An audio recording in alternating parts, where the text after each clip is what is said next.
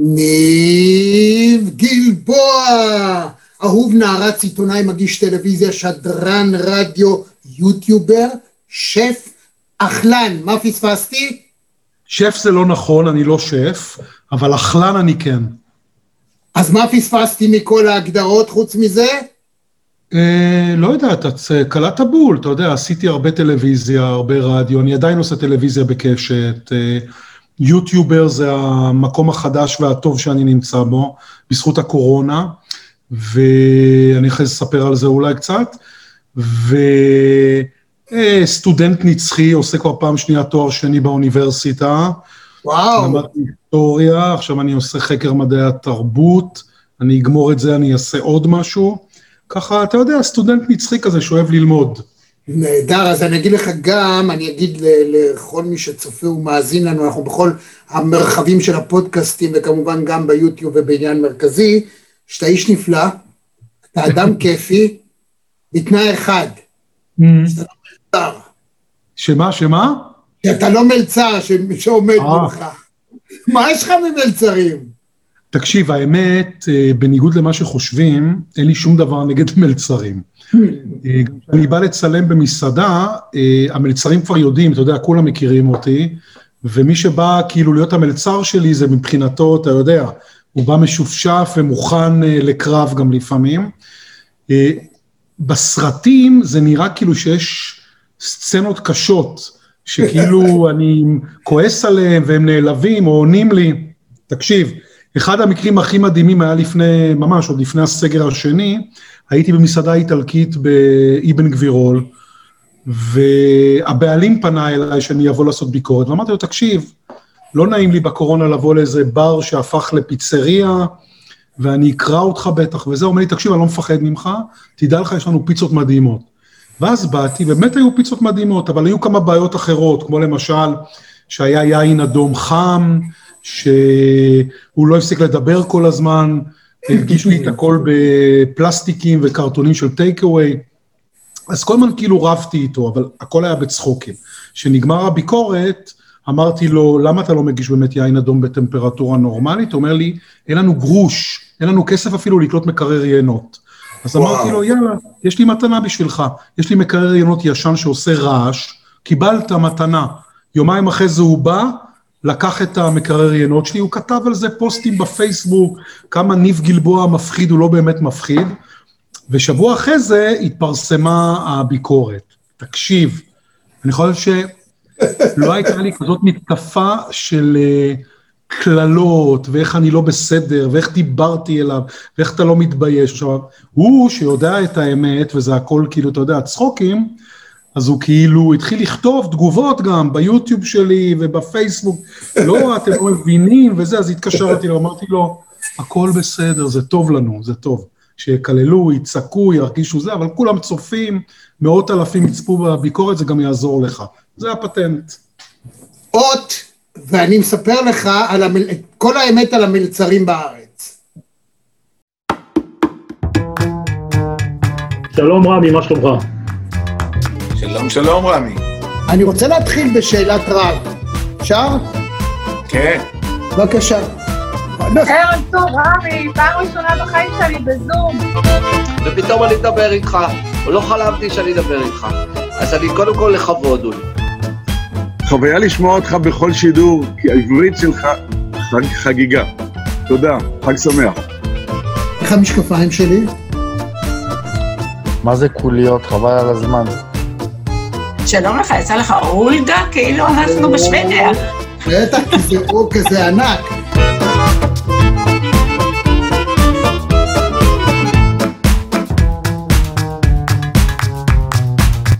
רמי יצהר, הכבוד כולו שלי. תמיד תמיד חיבבתי, אהבתי והערכתי את העבודה המקצועית שלך, וגם בערב הזה, כמו שאני אומר, האנשים הצעירים יש להם את הכוח, אבל אני יודע את הכיוון. אני לא עשיתי את. זה במודע ובמודע לגמרי שאני עלול לשלם מחיר, ובסוף גם שילמתי. אני גאה בזה שהזמנתי אותך לרעיון הזה, עשית הופעה מדהימה, הספה הברודה יוצאת מן הכלל, אני כל יום, פעמיים ביום קורא את האתר שלך, ונהנה מהניתוחים ומהכושר ביטוי והיכולת ניתוח.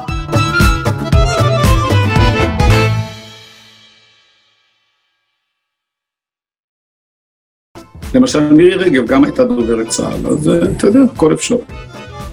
לא היית צריך לגמור את הרעיון הזה עם, עם, זה. אני חושב שזה לא, קלקל היו- קצת. זה קלקל קצת. לא. זה קלקל קצת.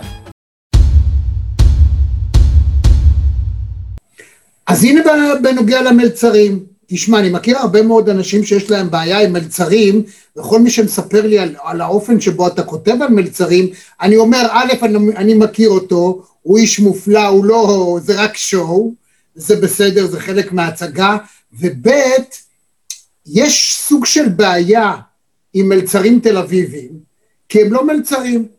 זה אנשים שהם סטודנטים, והם רק מעבירים את הזמן, וסופרים כל הזמן את הטיפים. והם לא מבינים נפשית שאתה עכשיו, תפקיד שלך, בחרת, מרצונך הטוב והחופשי, לעשות כסף בזה שאתה נותן שירות.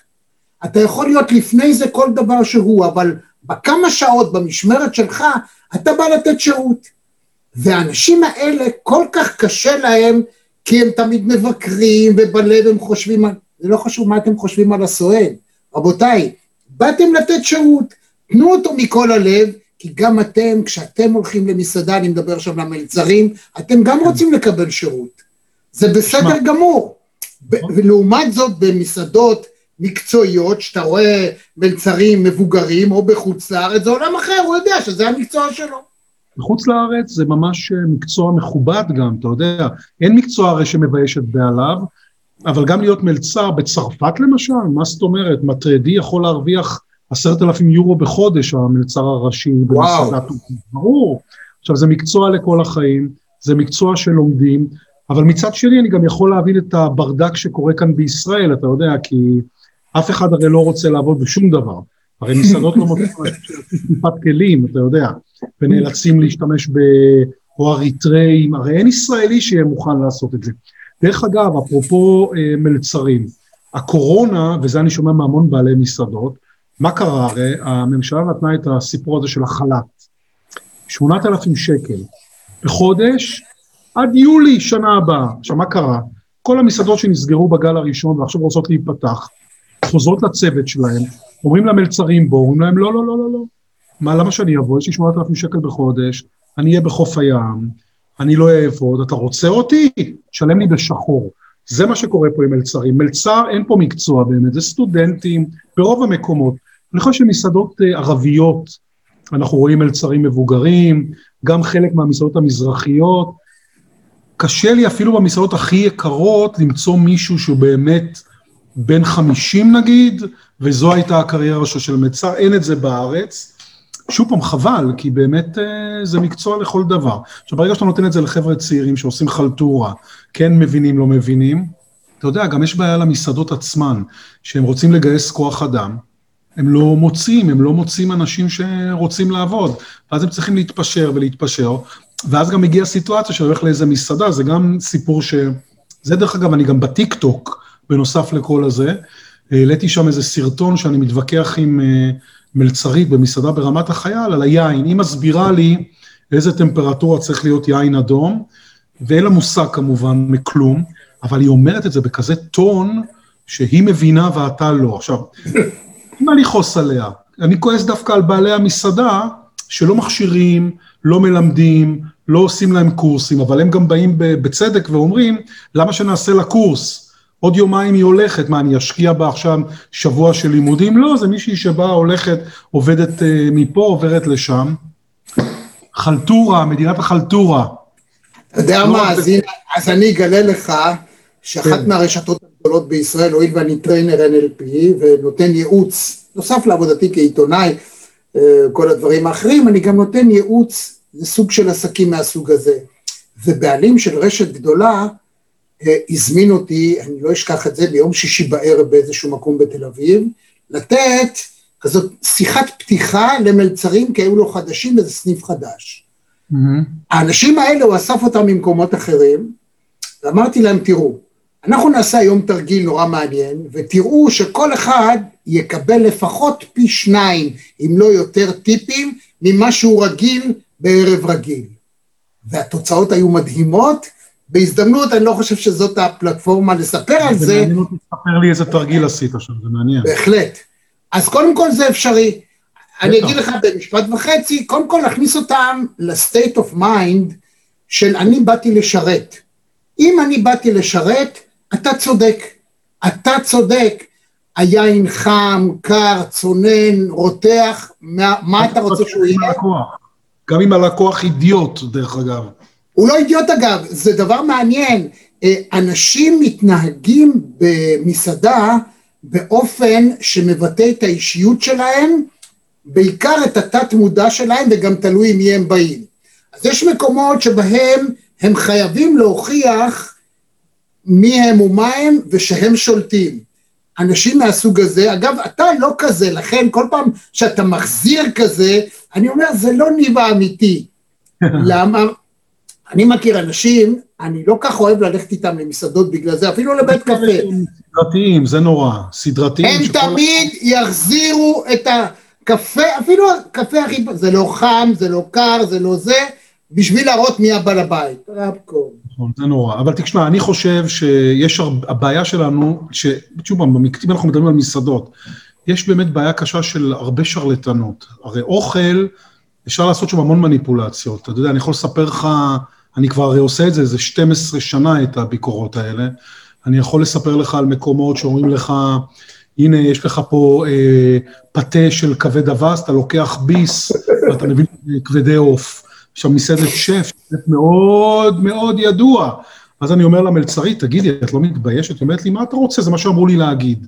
אתה יודע, יש הרבה שרלטנות במקצוע הזה, כי גם יש הרבה אנשים בלי ידע. עכשיו, אני תופס את התפקיד שלי, לא סתם לתזז אותם, הרי אני כן אתווכח עם מלצרית, אם היא תבוא ותגיד לי שהיין אה, האדום צריך להיות מוגש בטמפרטורה של תה, כן? של 25 מעלות, זה הטמפרטורה של החדר בישראל, והיא לא מבינה שזה מגיע מצרפת, ששם יש 14 מעלות, פעם היה, כן? בחדרים וכולי, אבל אתה יודע, כל מקום, הנה, גם הבחור הזה שנתתי לו מתנה ממני את המקרר יינות, זה נשמע לי לא הגיוני שאני בא למסעדה, והוא החליט שהוא רוצה, כי זה fun וכיף לו, אני יושב במסעדה, מזמין פיצה ואני מקבל אותה בקרטון. מה, אני בעונש? כאילו, מה קרה, לא נאה לתת לך צל, לתת צלחת, סכין, מה, אני בת... לא הזמנתי take away הביתה, מסעדה, מסעדה, אני גם משלם על זה. אז זאת אומרת, יש כל מיני דברים שאו אנשים לא מבינים, או אנשים חסרי ידע, שזה עוד בסדר. הצד השני זה אנשים שהם מרמים, שרלטנים, שאתה יודע, ייתנו לך גם אוכל מקולקל, או ירמו אותך בכל מיני פרודוקטים, וזה, זה מפוצץ לי את המוח. זה באמת מפוצץ לי את המוח. מה שאני תמיד אומר, אתה יודע, הם יכולים לקטר עד מחר, אני מייצג את הסועדים, אני לא מייצג את השפים, השפים לא מעניינים אותי בכלל. אני מייצג אותך ואותי וכל מי שהולך למסעדה. אתן לך עכשיו עוד דוגמה. הייתי בביקורת במסעדה דווקא שאני מאוד מחבב, גוצ'ה. יש להם כמה סניפים, בדיזינגוף, יש להם באבן גבירול, מסעדת דגים ופירות ים. באתי לצלם ביקורת במסעדה, זה היה בדיוק עוד שהמסעדות היו פתוחות, והיה לה כיפאק. היו כמה תקלות, המלצר מתווכח איתי, אומר לי שאני מקבל תכף לנגוסטין, שלנגוסטין זה אחד, אתה יודע, היצורים היקרים ביותר, זה כמו לובסטר.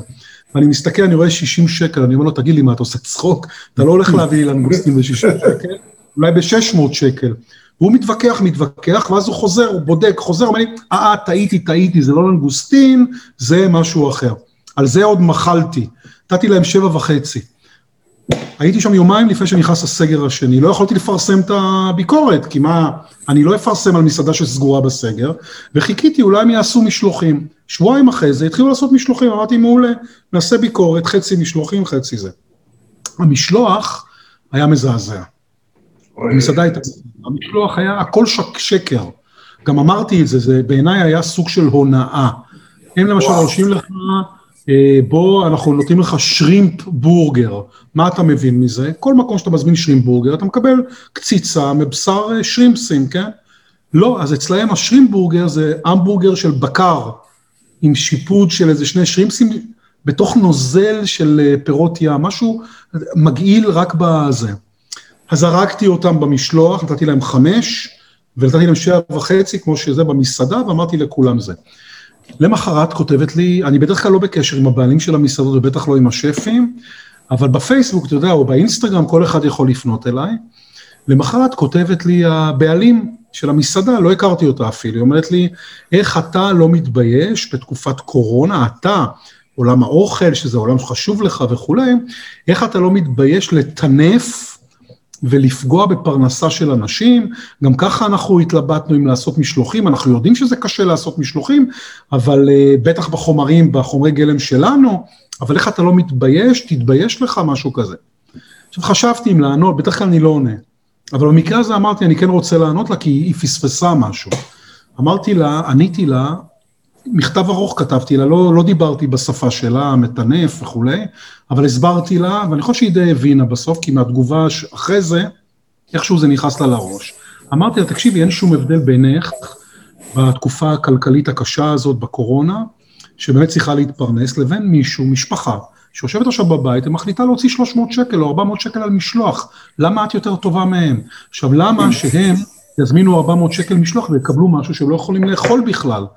מי אוכל אה, בקר ברוטב פירות ים? זה הקאה, ואתם גם קוראים לזה בשם אחר וכולי, זה כן הונאה.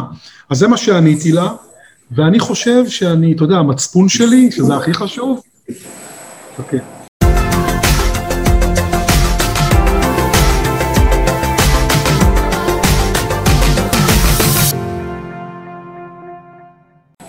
קודם כל אתה עושה, ניב, שירות יוצא מן הכלל. הואיל ואנשים שהם יודעים שניב יכול לבוא, נכון. אתה יודע, היה רלף ניידר פעם בארצות הברית, שמעת על רלף ניידר? רלף ניידר, הוא היה, אה, היה מגזין בארצות הברית שנקרא Consumer Report. זה כמו mm-hmm. התוכנית שאנחנו בצוות שלנו בכל ישראל קיבל פעם את פרס ראש הממשלה, של, אה, לא חשוב, עזוב, אה, לא, כזה שאתה יודע, תן להחמיא כן, גם לך. לא, לא, תוכנית שעסקה ב... לא בכל מחיר, שעסקה בנושא של לכוון אנשים איך אפשר לקנות הכי זול בתקופות לא טובות. רלף ניידר הגיע לעמדה כזאת שבמסעדה היה שלט ענק, רלף ניידר אכל פה והיה מרוצה. שלט ענק מעל המסעדה. כאילו הוא היה, אני יודע, נגיד רפי גינת כזה, אבל הרבה הרבה הרבה יותר מבחינת ה-consumer report, בעידן שכמובן הוא טרום הרשת. אז אתה עושה אה, מלאכה מאוד מאוד חשובה. אבל העובדה שאנחנו מוותרים באיזשהו מקום לשפים, אתה מניח אותם אה, הצידה, קצת מפריע לי, כי אני באופן אישי, שהוא לא איש מסעדות ולא מבין ולא מתיימר להבין, דווקא כתבתי מאמר נגד פיתה עם לוקשים בפנים, שהיה באיזה תוכנית טלוויזיה. לפני שבוע, אייל שני. כן, זה לא לפני שבוע, זה קצת יותר. לא, אני, אני, הביקורת שלי מלפני שבוע. אה, זה פשוט לא, זה לא נתפס. בן אדם לוקח פיתה, מכניס נכון. בפנים, מה זה, קצת פסטה, עכשיו הוא מראה לנו איך הוא דואג שקצת מהרסק יהיה החוצה, והוא שם שם משהו, אתה אומר, סחוג. רגע. גם שם סחוג שם, מה הקשר בין אוכל מי עובר, מה זה הדבר הזה? תקשיב, מה, אייל שני... יש גבול לחוצפה. מה זה? אייל שני דווקא, אני, אני אומר לך, אני עובר מהפך עם השנים. לא משנה, נתתי לו ארבע או חמש, כן, בביקורת הזאת גם, על הפיתה שלו. אה, באמת? יופי. פיתה עם מקרוני, בוא. אבל תחשוב, אבל אייל שני הוא תופעה, אני אגיד לך למה. כי אנשים קונים. עזוב, אנשים יודעים. עכשיו תקשיב, הוא גם מתוחכם. אתה יודע איך הוא קרא למנה הזאת? הוא קרא למנה הזאת, הסבתא, גנבנו מהסיר של הסבתא האיטלקייה את, ה, את הספגטי בולונז. אוקיי. עכשיו, מה המשחק מילים פה? סיפורי סבתא. אתה יודע, הוא, הוא, הוא צוחק עלינו. הוא גם משווק לנו, הוא גם צוחק עלינו. עכשיו תקשיב, אנשים, תראה, אם אנשים לא, אה, זה מדהים, כי אני אומר תת רמה. אתה אומר בלתי, בלתי מתקבל על הדעת שאני אוכל פחמימה בתוך פחמימה, בתוך רגע, בתוך פחמימה, זה בלתי אפשרי כאילו, לא מתקבל על הדעת. אני מסכים, טעמתי את זה, אני גם כעסתי על זה, מעבר לזה שזה פחמימה בתוך פחמימה, מה, איזה סחוג, ממתי שמים באוכל איטלקי סחוג? אתה יכול לשים... מה הקשר? אבל השורה התחתונה, אנשים משלמים 50 שקל עם משלוח על הדבר הזה, והוא מוכר. אז מי מטומטם? אני, כי הוא עושה כסף מזה. אני יכול... לא, לא, זה בסדר שהוא עושה כסף, הוא מוכר סיפור. תשמע, כן, הוא מוכר סיפור. מה שאתה קונה זה לא פיתה, אתה קונה סיפור. וואנס מספרים לך שזה דבר טוב, אז, אז תודעתית אתה אומר, רגע, אם אני אגיד שזה רע, אז אני יוצא אידיוט. בגדי המלך החדשים, מה אני אגיד שהוא ערום? אני אומר שהוא ערום כבר, זהו. אני, עסוק עם אייל שני, כי הוא מעניין אותי גם בקטע הזה עוד מערוץ 10. אני הרי רציתי ללכת אליו לעשות, אפשר לראות את זה ביוטיוב, זה אחת הביקורות הכי נצפות שלי עם מאות אלפי צפיות. רציתי ללכת למסעדה שלו, זרבקסס צפון, הוא לא הסכים, מעניין למה. יבוא לביקורת, ואז באתי עם מצלמה נסתרת. עכשיו, זה אחד הסרטונים הכי מצחיקים שלי, עוד מימי לילה כלכלי בערוץ 10. הבן אדם יושב שם למטה, הוא לא באמת בישל, הוא ישב שם למטה, אתה יודע, דיבר עם מישהו. כן. זוועה, זוועה מה שהלך שם, פיתה לא, פיצה, פיצה לא אפויה, זורקים לך את האוכל על השולחן, הכל הצגה, רוח וצלצולים, עגבניות מדבר, עגבניות חרטא, ועל איזה כמה בצקים, קשקוש ועגבנייה וכרובית כמובן, כן? אתה משלם אה, אה, מאות שקלים, מאות שקלים. אז אתה אומר, הוא שרלטן, אבל הבן אדם בניו יורק, הייתי בניו יורק, בצ'לסי, אה, איפה שיש לו את המזנון שם, תקשיב, הצלחה. אני לא מתווכח עם זה. עכשיו, לאמריקאים הוא לא מוכר לוקשים תרתי משמע. שם הוא לא ייתן להם פסטה ופיתה, פה. אבל הוא כן ייתן להם את מה שיש לו במזנון, הכרובית מאוד מצליחה, אבל הבשר למשל שהוא נותן בניו יורק הוא בשר הרבה יותר איכותי ממה שאני טעמתי בהשוואה שעשיתי למה שהוא נותן בארץ, זאת אומרת הוא לא מזלזל בהם. הוא היה מזלזל בהם אם היו פראיירים כמו הישראלים שממשיכים לבוא אליו, אבל תקשיב, הוא גאון, הוא והשותף שלו. הוא באמת גאון שיווקי, אני אגיד לך איך הוא עובד. כשהוא התחיל למשל לעשות משלוחים מהמזנון, עוד לפני, אני מדבר איתך לפני שנים, שהוא רק הקים את המזנון, הוא עשה דבר הכי גאוני בעולם. אנשים הזמינו משלוח מהמזנון של פיתות. לא ידעו מה מימו. אמרו להם תוך 20 דקות צלצול בדלת, הם פותחים את הדלת, מי נמצא? אייל שני, עם הפיתות שלהם. מה הם עושים? ישר, ישר סלפי, ישר זה, אפשר לצלם. כולם, אתה יודע, באינסטגרם, בפייסבוק, אתם לא מאמינים, אייל שני בא אליי הביתה, ככה הוא עשה יומיים לפי דעתי. יומיים היה אצל איזה 30 אנשים, כל העיר אחרי זה חיכתה לו, כולם הזמינו כי אולי אייל שני ידפוק בדלת. הכל גאוני, שיווק. איפה האוכל פה? לא יודע איפה האוכל, אבל באמת אני מוריד את הכובע. תקשיב, כל הכבוד. חבל על הזמן. יפה, אז אה, לא באמת, כמובן אין לי שום דבר אישי נגדו, לא, לא יצא לי לשוחח איתו אישית, אבל זה נראה לי סוג של אבסורד אה, לשים מקרוני בתוך פיתה ולמכור את זה בתור אה, משהו מיוחד. זה מוביל אותי, זהו, זה מוביל אותי לשאלה, תראה, יש כל כך הרבה תוכניות אוכל, ואתה רואה כל כך הרבה אנשים שעושים כל מיני דברים, עד שאני מקבל, אני לא מבין, לא מבין בזה, אני לא מתיימר להיות מישהו שמבין באוכל, אבל יש לי סוג של הרגשה שכולם עובדים על כולם, ובעצם הכל אפשרי, אתה רק צריך לי איזה שם יפה לשווק את זה, לשים באיזה צלחת, ואתה יכול לשפוך הכל, מה שבא לך, הכל אוכל. זה, זה כבר... זה נכון, כאילו, שוב, בוא נעשה הפרדה עכשיו בין טלוויזיה לחיים. שאתה, okay. אני עושה הרבה טלוויזיה עם אוכל עכשיו, גם בקשת, אני עשיתי למשל מבחנים למתמודדים במטבח המנצח ב-MKR, עוד מעט יהיה מאסטר שף, אז אני גם שם, בתוכניות, mm. לא במאסטר שף, בכל התוכניות, בגלית ואילנית, בכל מיני תוכניות, עושה להם אה, מטעם קשת כל מיני, נותן להם ציונים, בודק אותם וכולי. טלוויזיה זה show, אני גם למדתי את זה, תראה, כשאני התחלתי את הביקורות אוכל שלי בערוץ 10, לא היה מאסטר שף, לא היה שום דבר, והיה לנו שיחה גם, מי, שה, מי שהגה את הרעיון, דרך אגב זה לא אני, מי שהגה את זה זה היה הסמנכ"ל של החדשות אצלנו אז בערוץ 10, אורי רוזן, שהיום הוא מנכ"ל של מאקו, זה היה רעיון שלו, כי הוא היה חבר שלי, זאת אומרת, הוא היה בוס שלי, אבל גם חבר, והיינו יורדים מערוץ 10, הייתי אז מבזקן, כתב, אתה יודע, עושה כתבות מגזין, מגיש חדשות, שום דבר עם שטויות ואוכל, כן? והיינו יורדים למטה, לטאטי, היה שם בית קפה כזה, הוא בטח עוד קיים שם מתחת לבית פלאפון והפניקס, טעתי מסעדה כזאת, ואני, נורא מה שהיה לי שם, לא היה יום אחד שלא החזרתי את זה כי זה לא טוב, כי זה לא טוב. למה אתם מביאים לי קרח? אני מזמין מים מינרליים, מה אתם מביאים לי קרח? מאיפה הקרח? הוא מים מינרליים או מי ברז? כאילו למה אתה, אני משלם כסף על המים, למה אתה לא, לא, לא, לא, וכולי. המים גם קרים, אתה יודע. כל הדברים הרגילים שלי. עכשיו, זה לא הצגה מה שאני עושה בביקורות, כאילו הדברים האלה זה סטנדרטים שאני באמת חושב אותם. אני אולי לא מתווכח כל כך עם מלצרים וזה כמו שאני עושה בביקורות, אבל הוא מסתכל עליי שם, עכשיו זה היינו כל יום יורדים לאכול צהריים. באיזשהו שלב הוא אומר לי, תקשיב, חייבים לעשות מזה תוכנית, אני לא אומר... גדול. רוזן? אז הקרדיט לאורי רוזן. לחלוטין. וואו. לחלוטין, לחלוטין. אני התנגדתי. אני אמרתי לו, מה פתאום, מה איזה תוכנית, מה אוכל בטלוויזיה, מי רוצה אוכל בטלוויזיה, אחד. שתיים, אני בן אדם רציני, מה? עכשיו אני מגיש, יש פיגוע, אני נכנס לאולפן, יושב שמונה שעות ועושה שידור ישיר על פיגוע, אני אדבר על אוכל וזה. הוא אומר לי, מה אכפת לך, בוא נעשה פיילוט. אמרתי לו, אתה יודע מה, בסדר. ואז באמת גם התחיל הלילה כלכלי. אמרנו, נעשה פיילוט. אני זוכר את הפעם הראשונה, נסעתי עם הצלם, אני בדרך אומר לו, חסר לי אביזרים. הוא אומר לי, מה? אמרתי, לא יודע, אתה יודע מה? בוא נקנה סטופר כזה במגה ספורט, ואז אני אמדוד זמן, לא יודע כמה זה שווה או לא.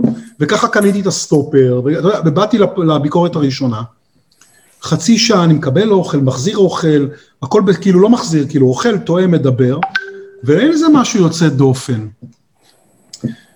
פתאום הצלם אומר לי, היה איזה קטע של המלצרית, אני זוכר את זה עד היום, זו המסעדה הראשונה שעשיתי ביקורת, בלק ברמת החייל של ההמבורגר.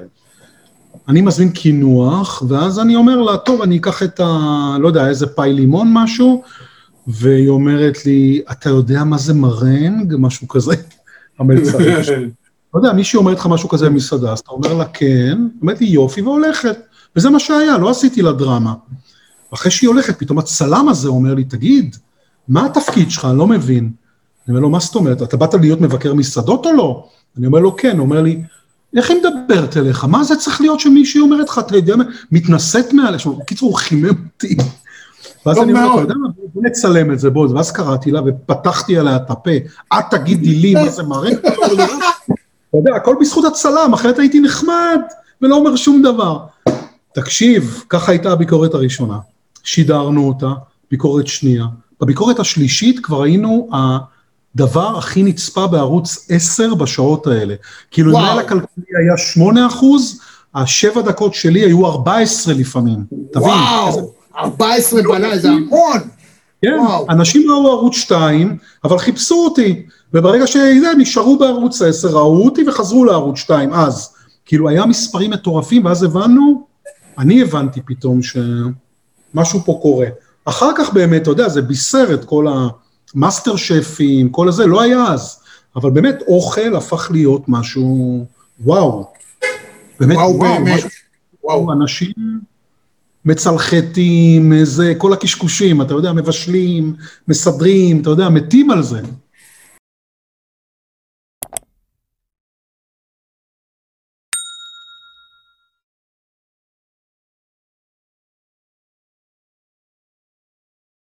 הואיל ואתה, אני, אני רוצה כמה דקות שנקדיש דווקא לתקשורת רצינית, הואיל ואתה גם עיתונאי, ערכת יומני חדשות, הגשת, אנחנו עבדנו ביחד בהוט אז בתל אביב, הגשת את המהדורה, אני את הספורט, ואני רוצה לדבר איתך על השינוי המהותי הדרמטי שעובר את התקשורת של היום. איך אתה רואה את זה? ואני גם שואל בתור חבר נשיאות מועצת העיתונות, אנחנו עכשיו אה, הכינונו ופרסמנו את התקנון האתיקה החדש, שדן בהיבטים שונים ומשונים, הייתי אומר, לעומת מסמך נגדי, מה שנקרא פעם, שזה היה פעם ההורים ותומים שלנו כעיתונאים, והיום אתה תקרא את המסמך הזה, הוא שונה לחלוטין. אז לפני שנגיע לפלטפורמה שאנחנו כאן נמצאים, וגם נקדם אותה ונביא מה שיותר אנשים לפלטפורמה הזאת, תן לי את ההיבט שלך, כמו שאתה רואה אותו, איך התקשורת של היום מתנהלת לדעתך? תראה, יש בזה צדדים מאוד טובים ויש בזה המון צדדים רעים, כי מה זה תקשורת? היום אין תקשורת של פעם. הרי פעם היה, היה לך בטח אני לא, לא צריך לספר, אבל נספר למי שצופה בנו אם הוא לא יודע. לא היה אפשרות לשדר מידע סתם ככה. אם אני עובד, אם אני יכול לשדר מידע ברדיו, בטלוויזיה, בעיתון, אני כתב, נגיד, אז יש מעליי עורך, והיה גם מגיהה שהיה בודק טעויות כתיב, ואתה יודע, ויש רכז כתבים, ויש מערכת, ויש החלטה על כתבות. היום, מי זה עיתונאי? בוא אני אגיד לך מה הבעיה. היום, מי שכותב פוסט בפייסבוק, אף אחד לא בודק אותו. כמובן, הוא יכול לכתוב מה שהוא רוצה, אפרופו כל נושא ה fake news, ואין לו עורך כמובן, אין לו מישהו שבודק את העובדות, מה שנקרא. יש אנשים בניו יורק טיימס עד היום, שכל התפקיד שלהם זה לבדוק עובדות, אתה יודע, עובדות, לבדוק שזה נכון. אנחנו בעידן שאין עובדות, אני לא צריך לדבר הרי על טראמפ ועל מה שקורה. אז א', מי זה עיתונאי? מה זה עיתונאי? היום עיתונאי יכול להיות כל מי שמחליט שהוא פותח לעצמו בלוג. הטכנולוגיה מאפשרת בעצם לכל בן אדם להתבטא. עכשיו, בן אדם יכול לקרוא לעצמו עיתונאי, אני ואתה נדע שכמובן הוא לא עיתונאי, אבל מבחינת הציבור, יש לו בלוג, יש לו מאה קוראים, סתם אני אומר, או אלף או יותר, אז הוא עיתונאי. עכשיו, אני חושב, שוב פעם, אני גם לא ילד, אתה יודע, אני גם הייתי בצבא כתב צבאי, הייתי בגלי צה"ל, עברתי את כל המסלולים. ברור לי שאין דבר כזה להיות באמת אובייקטיבי, זה ברור. כל אחד יש לו את האג'נדה שלו ואת הדעה שלו, וכמה שאתה מנסה כאילו להסתיר, או זה, אתה עדיין, אתה מוטה איכשהו. אבל היום זה כבר עולם אחר, היום זה לא עניין של מוטה, היום אתה יכול להגיד את הדעה שלך, אה, להסביר אותה, ועדיין כביכול לדווח אה, חדשות, ועכשיו נדבר על המיינסטרים טלוויזיה. אני לא מבין למשל, אה, שוב פעם, אבל זה באמת העידן. אז איך למשל, אני אתן לך סתם דוגמה. אם אני יודע מה עמית סגל, סתם כדוגמה, מצביע בקלפי, ומה אמנון אברמוביץ' מצביע בקלפי, יש לי בעיה. יש לי בעיה, כי אני בעצם, אתה יודע, כל מה שעמית ידווח, ועמית הוא גאון, אבל כל מה שעמית ידווח לגבי ביבי, אני תמיד אחשוד בו שהוא משרת את הימין. כל מה שאמנון אברמוביץ' יגיד, אה, אני, אני אשקול פעמיים, כי אני אגיד, רגע, רגע, הוא רוצה להפיל את אה, ביבי, כמו שאת שרון הוא רצה לאתרג בגלל כל מיני סיבות מדיניות. ברגע שהכל נפתח וכל אחד, הכל ברור ואפשר לדבר, ועיתונאי היום הוא לא רק מקריא חדשות, אלא גם נותן את דעתו, תראה למשל, ואני אוהב את זה מצד שני, אתה מבין? יש פה איזה משהו, יש פה דילמה. תיקח את קרן מרציאנו.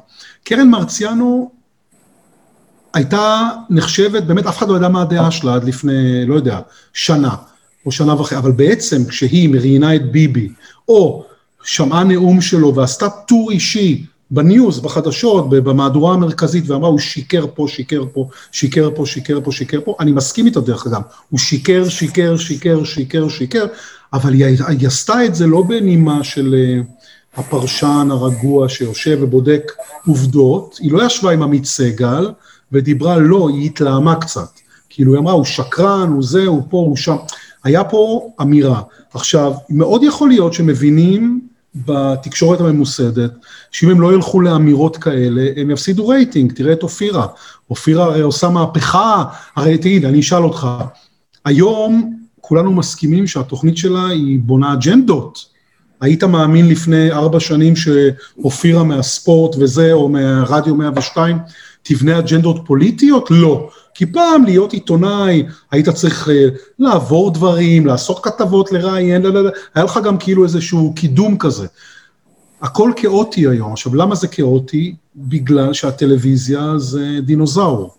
וכל אמצעי התקשורת, בטח הפרינט, דינוזאורים, הם, אין להם שום זכות קיום. כל אחד יכול לפתוח לו ערוץ, כל אחד יכול להגיע שוב פעם, זה תלוי בכריזמה שלו, במה שהוא עושה, למיליונים. אני למשל, יש לי יותר מ-30 מיליון צפיות בערוץ שלי, אבל אני לא חדשות. זאת אומרת, אם הייתי רוצה אולי לעשות חדשות, אני לא יודע מה קורה, אולי זה היה פחות מעניין, אולי לא מעניין. אני כאילו החלטתי, דרך אגב, ההחלטה שלי, שאני אסקפיזם. אני לא מדבר, בטח לא בביקורות, וגם לא ברעיונות, ואין לך מושג, עשו עליי כתבה מאוד גדולה במוסף בהארץ, גלריה שישי לפני חודש, ישבו איתי, הכתב, היה איתי איזה, לפי דעתי, חמישה ימים, והרעיון עצמו שש שעות, שש שעות, שש שעות של רעיון. אני בסוף אתן את הכותרת, אני קראתי את זה, ואת הכותרת אני שומר, לא אתן לה עכשיו. לקראת הסוף אני אתן אותה. כי אתה יודע מה... אתה אומר שלא נפלתי שם, אתה מבין? לא... לא, לא נפלת, אבל לתת את הכותרת שהם נתנו, זה מוכיח שגם הארץ זה לא הארץ. אני הייתי חבר מערכת, אני חושב בין הצעירים, אם לא הצעיר ביותר בעיתון הארץ. פעם, מזמן. ל- לעולם, בתקופ... בתקופות מסוימות לעולם לא היו נותנים כזאת כותרת כמו שאתה קיבלת. אבל אבל- נדבר על זה. תשמע, הכתבה הזאת הייתה כתבה מאוד טובה. מדהימה אה, עבורך. נכון, אני כאילו הייתי בהלם, כי הייתי בטוח שהם אה, זה, אבל לפני ארבע שנים הם עשו עליי באותו עיתון שני עמודים עם כותרת למה צריך לפטר את ניב גלבוע, והסבירו את זה באלף מילה. בסדר, אז יום אחד אתה פה, יום אחד אתה פה, יום אחד אתה... אני, אני כבר, לא- גם אתה כבר, אני לא מתרגש מהדברים האלה, אתה יודע. שיכתבו רק את השם שלי נכון, ושאנשים יפנו אנשים לשידורים שלי, או לדברים שאני עושה, והכל בסדר, אין לי שום בעיה עם זה. אבל דווקא, אתה יודע, יחסית, אני חושב, עיתון הארץ, אפרופו אם אנחנו מדברים על עיתונים, כן מוצא לעצמו, עזוב עכשיו את הכיבוש, כיבוש, כיבוש, ברור, אבל מעבר לזה, אני חושב שאין עוד עיתון בישראל, שאתה יכול פתאום לקרוא מאמר של 1,500 מילה על מדע, או 1,200 מילה על משהו מתחום הביולוגיה, או על החוקר הישראלי היה עכשיו כתבה של, עד שצלחתי אותה זה יומיים בערך, כי מי קורא כל כך הרבה, על החוקר הישראלי שכנראה מצא את הפתרון, אמן, לסרטן או משהו כזה, עם כל התרופות RNA וכולי. אין עיתונים כאלה, אין, אתה יודע, אין, אין דברים כאלה. ידיעות אחרונות, צבע, צבע, צבע, כותרות, מה שבזמנו בזמנו היה חדשות, ששם אני הייתי ילד עוד והתחלתי שם את הקטע של הפרינט שלי פחות או יותר.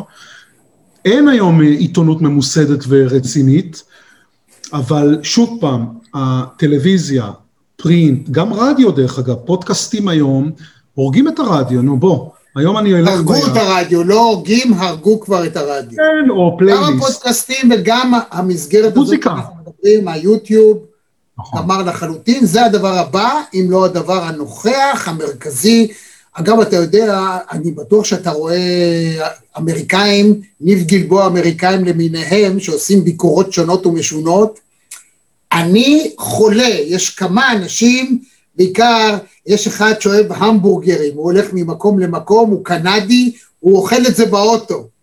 ויש, הוא עושה את זה באופן, אתה מכיר אותו, לא? אני... כן. ויש אחד שהוא רק ב...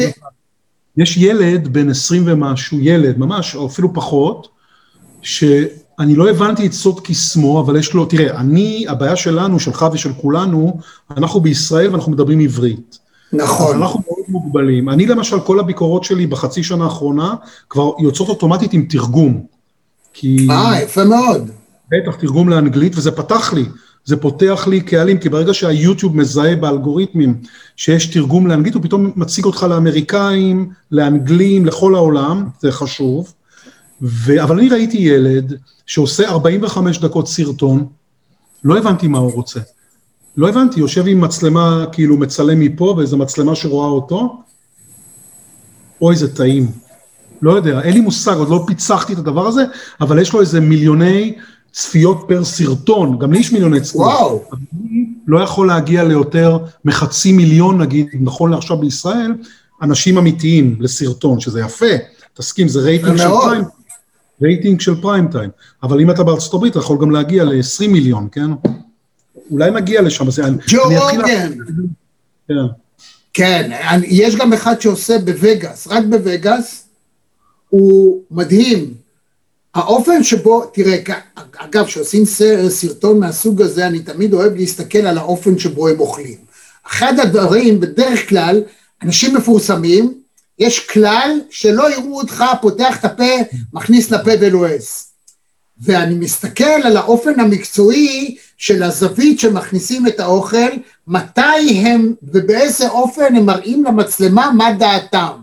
יש כאלה שמאוד מהר עושים את זה, יש כאלה שעם פה מלא עושים, יש כאלה שהוא, אתה יודע, זה דבר מדהים לסגל ולעשות, זה שואו, אתה אומר אסקפיזם, זה יותר מאסקפיזם, א' זה מגרה כמובן את בלוטות הטעם, וזה מייצר חוויה לאדם, זה הרי דבר מדהים שאתה רואה בטלוויזיה, אתה רואה מבקר כמוך, אתה יכול לדבר על משהו ש, שהוא לא מוחשי, זאת אומרת, אתה זה מה מספר לי... אבל. נכון, זה כן. מה שמוזר. כי אחת הבעיות שדיברנו בערוץ 10 בזמנו, שדנו בזה, איך אפשר להעביר אוכל בטל... אין ריח ואין טעם, זה שני הדברים הכי חשובים, לא אה, אז מתברר שלא. גם המראה כנראה משחק תפקיד מאוד חשוב, ואם אתה יכול להפוך את זה למשהו קומוניקטיבי מול הצופים, אז uh, אני חושב שאני יושב במסעדה, אני הרי מדבר למצלמה תמיד, אני תמיד בגובה העיניים מהיום הראשון, זה לא שאני נואם, אתה יודע, ועושה נאומים לאומה ומסתכל על הזה, לא, אני מסתכל למצלמה ומדבר עם הבן אדם. וזה אני חושב גם חלק מסוד, מסוד uh, הקסם, עוד הרבה לפני שהיה נכון. יוטיוב. זה העניין, לדבר עם הבן אדם ולנסות להעביר לו מה שאני מרגיש, שכאילו הוא יושב איתי בשולחן, זה היה הרעיון.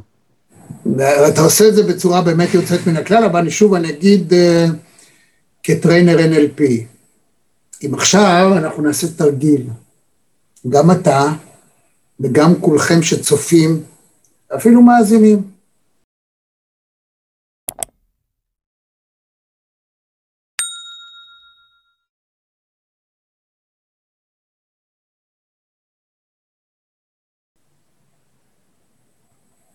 תדמיינו שיש לכם עכשיו בפה פלח לימון. מיד. זהו, זהו. זאת אומרת, צריך לראות עכשיו את הבעת הפנים שלך, כולל שלי שאני אמרתי את זה. למה? כי יש לנו במוח תהליך שהוא בלתי נמנע ואי אפשר לדלג עליו, וזה כשאתה אומר מה זה, זה מייצר תגובה אצל מישהו, וכשאתה אומר למישהו שזה איכסה לך, זה לא משנה מה. לכן בעל המסעדה צריך לעשות כל דבר בעולם כדי לבשל לניב. הוא צריך לדעת שניב אוהב את זה, כי לא משנה מה, אתה הרי לא יכול, מאוד קשה לך לנטרל את עצמך. אני מתאר לעצמי שיש איזה תימני שלא אכפת לו שבתוך הפיתה ישימו לו בלוקשין גם סחוג. הוא יהיה מבסוט, אבל הוא... אז אתה אומר מה, התקשורת מתה והכל עכשיו, בוא נדבר קצת על היוטיוב. אה, בישראל, איך אתה רואה את היוטיוב בישראל? שמע, אני, אני בן אדם, אה, אני קצת בעייתי, אני כשעבדתי בטלוויזיה לא הייתי רואה טלוויזיה, עד היום אני בקושי רואה טלוויזיה ישראלית, כן? אני רואה סדרות וכולי. כן. אני גם אגיד את האמת, אני ליוטיוב נכנס רק לטפל בערוץ שלי בעיקר, זאת אומרת, זה לא שאני שם כל היום, כן. אני, מה שאני כן עושה ביוטיוב, למשל, יוגה. יש איזו מורה ליוגה שאני מתאמן איתה הרבה זמן כבר ונורא כיף לי, אז זה אני לוקח, אני כאילו לוקח, אתה יודע, כל מיני הדרכות. עכשיו לגבי אסקפיזם ביוטיוב, נכון שכמובן מקצועית הייתי צריך להיכנס ולראות מה יש בעולם, גיליתי דרך אגב גם, יש מבקר מסעדות רוסי מאוד מצליח במוסקבה, שיש לו צפיות חבל על הזמן, אתה רואה גם שהוא, אנחנו, אתה יודע, אני היום עובד uh, עם צוות ענקי, שלי, איתי ואני בערך, כן? אני כבר לא מחזיק צלם יותר. פעם היה לי צלם וזה, אין. אני לא צריך גם, זה גם כלכלית לא, לא אין סיבה. נכון. אני רוצה להגיד לך שהאייפון, איזה אייפון יש לך? יש לי הכי הכי הכי חדש. אז החדש עוד... זה עדשה רחבה, לא, ה-11 פרו עוד לא הגיע ה-12, אבל אני משתמש... אז ה-12 שיגיע, המקס הגדול, יש בו אמצעי צילום מתוחכמים לעשות כל סוג של צילום שמצלמות מתוחכמות לא יודעות לעשות ואחר כך לעבד את זה נורא קל. אה, ספר לי על הטכנולוגיה, איך אתה עובד, אתה שם אה, tripod, אתה... במקרה הכינותי, עם זה, אתה מכיר אותו? בטח, זה הפרו. נכון, זה מצלם לי את המנות, כאילו זה הרי... זה, אתה יודע, זה 4K עושה. כן. זה אה, חברה, טוב, נגמרה לי הבטריה? לא, הנה. חברה כאילו ידועה, DJI, שעכשיו כן. אני אצטרך. לי יש את ה-DJI האחרת שיש. בה. יש לי אותו. לא, גדול לי כזה, רגע, אני, אלך להביא את זה. אחפש אותו גם את שלי, יש לי עוד אחד פה, רגע, אני גם קם.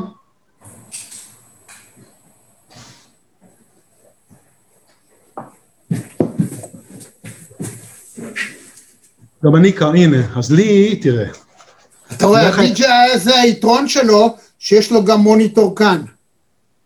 זה גם עם מוניטור. כן, אבל הוא קטן, אתה לא רואה כלום. אני לא צריך אותו, כי אה, מה שאני עושה, האייפד שלי הוא מוניטור.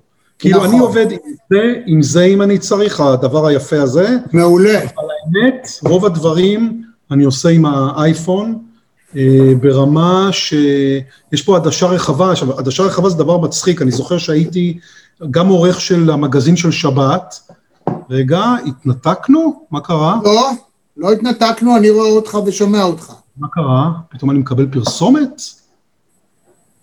תשמע, נחכה אני שנייה. רואה אותך ושומע אותך.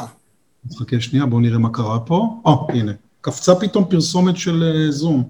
לא יודע, לא קרה לי עוד. אה, מוזר. מה שרציתי לומר, ש... כשהייתי בשבת, הייתי העורך של המגזין של שבת, שבזמנו הגישה אותו אושרת, אחרי זה גם הייתה תקופה שקצת החלפתי אותה וזה, אז אה, לקבל עדשה רחבה מהמערכת, לצלם כתבת מגזין, זה הדבר שכל כתב רוצה. עכשיו, עדשה רחבה עלתה מיליונים, כאילו, לא, ערוץ 10 לא החזיק את זה אפילו. היו צריכים נכון. כאילו ללכת לאוטופיה. לזכור, כן. באיזה 900 דולר, לא יודע אפילו כמה, והיום העיגול הקטן הזה עושה אותו דבר. אתה מבין? זה בהמשך למה שדיברנו, אתה יודע, יש גם את הטכנולוגיה שמאפשרת לכל אחד היום להיות צלם, במאי, עורך. הנה, אני למשל, פעם הייתי חייב שיהיו עורכי וידאו שיערכו לי את הדברים. היום עם ה...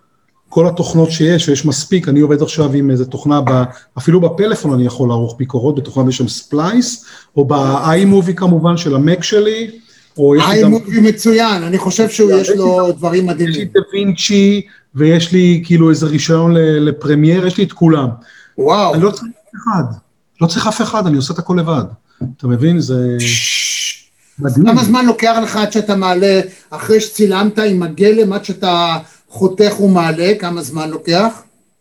אני, זה התחיל מאוד קשה, הרי מה קרה? אני הייתי, איך הכל התחיל בעצם בקטע הזה? יוטיוב הרי התחיל בכלל מבחינתי, חיפשתי מקום לשמור אה, ביקורות שלי מערוץ 10, כי ידעתי שנאנה 10, ה- המקום, הפלטפורמה שזה היה, מתפוררת. וכבר קלטתי שערוץ 10 לקראת אה, התמוטטות, והאמת שצפיתי את הסוף. אמרתי יום אחד, אני אחפש דברים שלי, אני אכנס לאינטרנט ואין. אז מה שעשיתי, פשוט נכנסתי לארכיון של ערוץ 10, לקחתי את כל הביקורות שלי, הורדתי אותם אליי, אה, לקחתי גם מננה, מה שלא מצאתי בארכיון הוצאתי מננה אליי, ואמרתי, לא לקבל על זה כסף או משהו, לא, אני רוצה איזה ענן לשמור, עכשיו לא רציתי לשלם כסף, אז איזה ענן יש? יוטיוב, אתה יכול לזרוק שם מה שאתה רוצה, אתה לא משלם שום דבר. ומה קרה? התחלתי לעשות את זה, פתאום שנה אחרי זה, מתחילה קהילה. עכשיו, אני אומר לך, לא וואו. פרסמתי, כן, לא פרסמתי כמו היום, שיש כותרת ותמונה מיוחדת וכל מיני, זרקתי את זה יום אחרי יום, סתם העליתי, בלי הסברים, היה רשום אה, משהו כמו אה, הרצליה, 22 ל-17, 2000 וזה, אתה יודע, משהו כזה, בלי להגיד כן. איזה מסעדה, בלי כלום. ופתאום, אלף, אלפיים, שלושת אלפים, חמשת אלפים, עשרת. אלפים, גדל, גדל, גדל, פתאום יש קהילה, פתאום מצטטים אותי, פתאום יש לי מפגש מעריצים שארגנו לי ב- בשרונה לפני שנה, שהייתי בהלם שהרבה... מדהים! וואו. שם הפכתי להיות כוכבנית ערוץ הילדים, אתה מבין? הכל בלי שהתכוונתי, לא התכוונתי.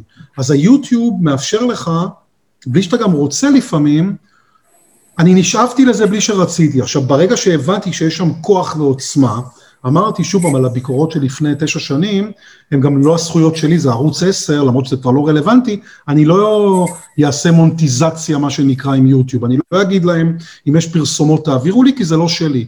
אני אתחיל לצלם בשבילי. ואז התחלתי לצלם, אבל איך אני רגיל לצלם? צלם, מקליט, עורך וידאו, כמו שאתה יודע. ואז אני, אני אתה מוציא... תפשוט רגל מהר מאוד. כבר פשטתי, כאילו זה לא השתלם לי, כאילו לקחתי. כספים שהפכתי, נגיד מקשת או מזה, זרקתי על היוטיוב, אמרתי, לא יכול, אני לא יכול להמשיך עם זה. ואז נסעתי לברזיל, לחופש. זה היה לפני שמונה חודשים, לפני שהקורונה התחילה, וכשחזרתי, הצלחתי לחזור במקרה בטיסה האחרונה שנחתה פה, של KLM, כאילו נחתתי ישר לתוך הכאוס, כי הייתי חודש בחו"ל, חודש. החודש הזה התחיל עם איזה דיבורים על אולי וזה, והיסטריה מטורפת בסוף. זה היה במרץ, כן? מרץ-אפריל. כן. אני חוזר לארץ ישר לבידוד, כי אתה יודע, כבר היה בידוד למי כן. שחוזר. אז אני יושב ככה בבית, אני אומר, מה אני אעשה עכשיו שבועיים, אני אמות. אז אמרתי, רגע, יש לך את הטלפון הכי משוכלל, יש לך את הדבר הזה שקנית לצלם קצת בחו"ל וכאלה, תזמין משלוחים. עכשיו, בהתחלה לא ידעתי איך לערוך בכלל, אני אומר לך, אני למדתי הכל בחודשים האלה. איזה בחודש- יופי. באפריל למדתי לערוך לבד, שוב, אתה רואה גם את הביקורות מאפריל של המשלוחים, אתה רואה איזה בושה, כמו חתונות זה נראה, כל מיני קאטים מוזרים, לא ידעתי כלום, לא ידעתי איך להכניס מוזיקה, אפילו לא היה מוזיקה, לא היה שום דבר. ועוד שבוע עובר, ועוד שבוע עובר, ועובר, פתאום אתה לומד ולומד ולומד ולומד, ואתה מצלם לבד בבית. אז אתה אומר פתאום, רגע, אני לא צריך צלם, יש פה איכות מדהימה. ואז שנגמר הבידוד ונגמר כל הסיפור, ויצאתי למסעדות, אמרתי, זהו, אני כבר לא צריך יותר צלם וזה. ובאמת כך היה, אתה יודע, אז אתה עושה את הכל לבד. אני לא עושה את הכל לבד, יש לי פטרונים, אני לא יודע אם אתה יודע על זה. זה עוד דבר שעשיתי. אה, גיליתי את זה, זו חברה אמריקאית שמאפשרת למעריצים שלך, כאילו לתמוך בך, להיות פטרונים שלך. אז מה. שהפטרונים, כן, ויש לי הרבה כאלה, הם משלמים, או חמ... יש לי מנויים, כאילו, שנתיים, חמישה דולר בחודש, עשרה דולר בחודש, ועשרים דולר בחודש, ותתפלא, שלי משלמים לי עשרים דולר בחודש. מדהים. כן, ומה הם מקבלים? הם יקבלו תמיד לפני כולם את הביקורות שעולות ביוטיוב. עכשיו, יוטיוב היום מלא פרסומות, הם יקבלו אותם בווימאו, כאילו אין פרסומות, אין שום דבר, זה האוטומטית. חוץ מזה, פטרונים באים אליי, מצטרפים אליי לצילומים מאחורי הקלעים. וואו. יש המון אלף, אני עושה איתם שיחות זום, מפגשים, מעריצים, אתה יודע. עכשיו, זה קהילה שגם עוזרת לי כלכלית בעצם, לתחזק את הדבר הזה. כי אם נגיד יוטיוב עושה לך ברייק איבן, כי אתה יודע, בארץ, גם אם עם 400 אלף צופים בסרטון אחד, הכסף זה לא, בוא, זה לא 4 מיליון כמו בארצות הברית, בוא נגיד, זה מכסה לך את ההוצאות עם קצת כסף.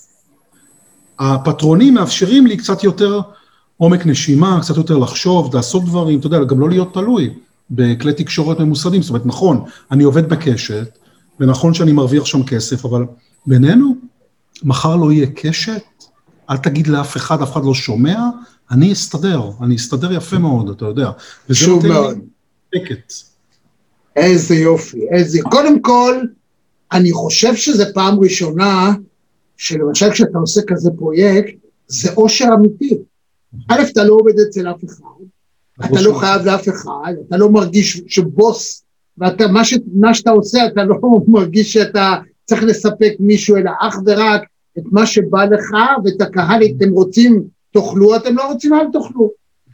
עכשיו, זה מאפשר לך את החופש להגיע לצורה המדהימה הזאת. בישראל התהליך הזה של היוטיוב הוא, הוא די ב... הייתי אומר בהחדרה.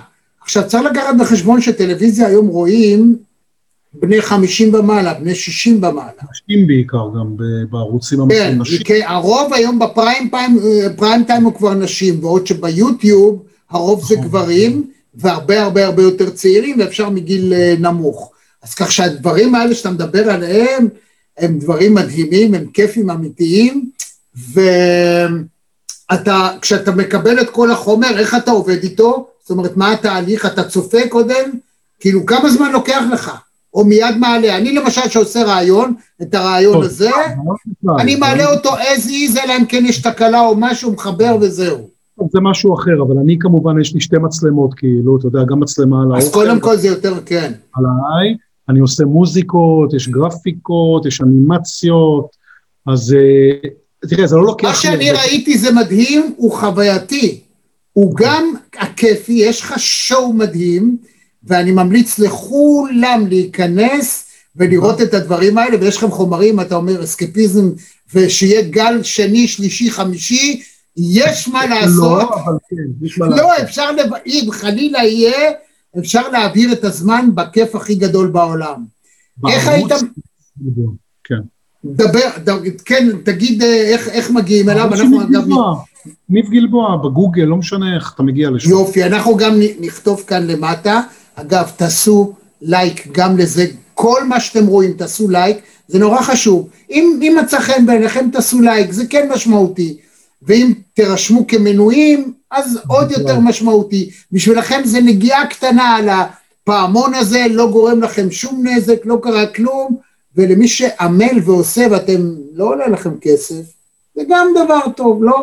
אתה האמנת שפעם תדבר ככה, תגיד על הפעמון, על ה subscribe.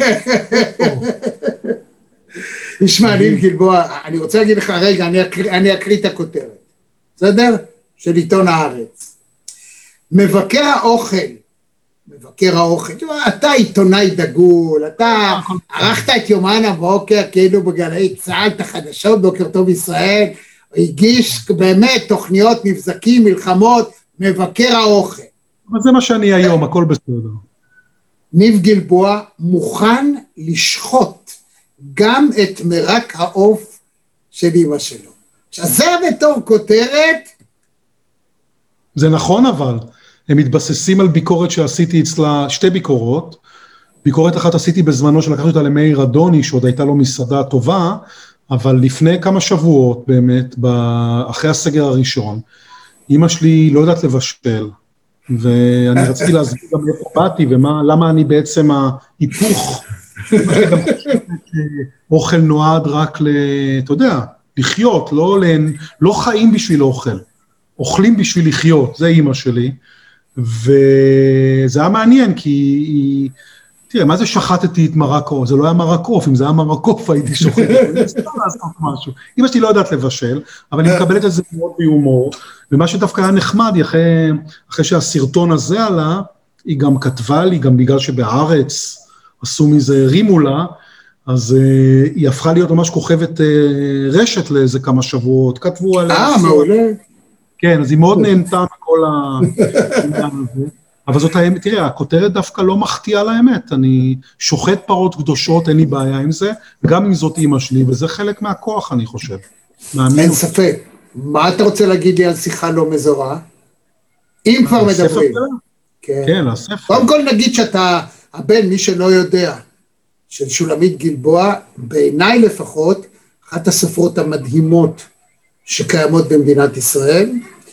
דבר איתי על הספר האחרון של השיחה. תראה, אימא שלי, אה, אני חושב שהציבור נחשף אליה, כי בזמנו היה לה רב מכר מאוד מצליח, ארבעה גברים ואישה, בהוצאת ידיעות, שהדיח את הארי פוטר מהמקום וואלה?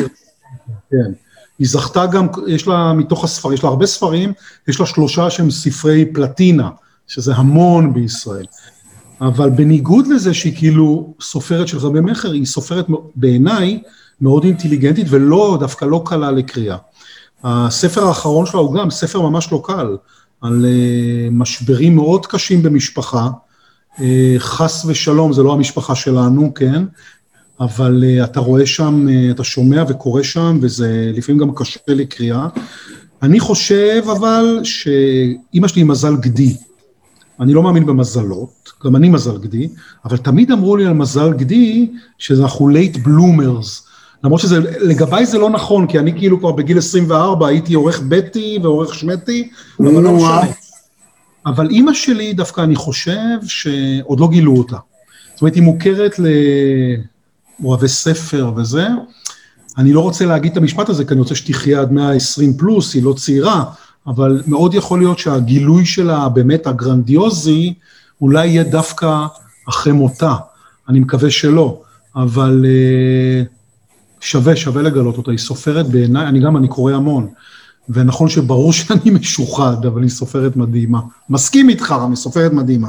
אז תיקחו את אה, שיחה לא מזוהה, אומנם באמת ספר לא קל, והוא גם מדלג בין זמן הווה לעבר, ל- זה זה ספר מדהים, כי בעיקר אני, היא הייתה יכולה להיות, אני חושב, לכתוב תסכיתים לטלוויזיה, זאת אומרת, הדיאלוגים שלה, לכתוב בצורה כל כך מתומצתת, שיח, זה כאילו אנשים מדברים לך באמת, כולל המשקל, כולל הנשימה, זה דברים שהם לא פשוטים לכתיבה. כל מי שעוסק בזה, בתחום שאנחנו עוסקים בו, צריך לדעת איך אתה מנסח משפט, מתי אתה נושם, מתי אתה מדבר, באיזה אופן אתה מעביר את המסר שלך, ואתה מבלי הניסיון שיש לך של כל כך הרבה עשרות שנים, הוא ניכר בתוצאה, גם כשאתה גוער במלצרית, אנשים לא מבינים, זה לא מה שאפשר לקחת, לקנות את הדי-ג'יי הקטן הזה ו- וזהו, לצאת לשטח, לא פשוט.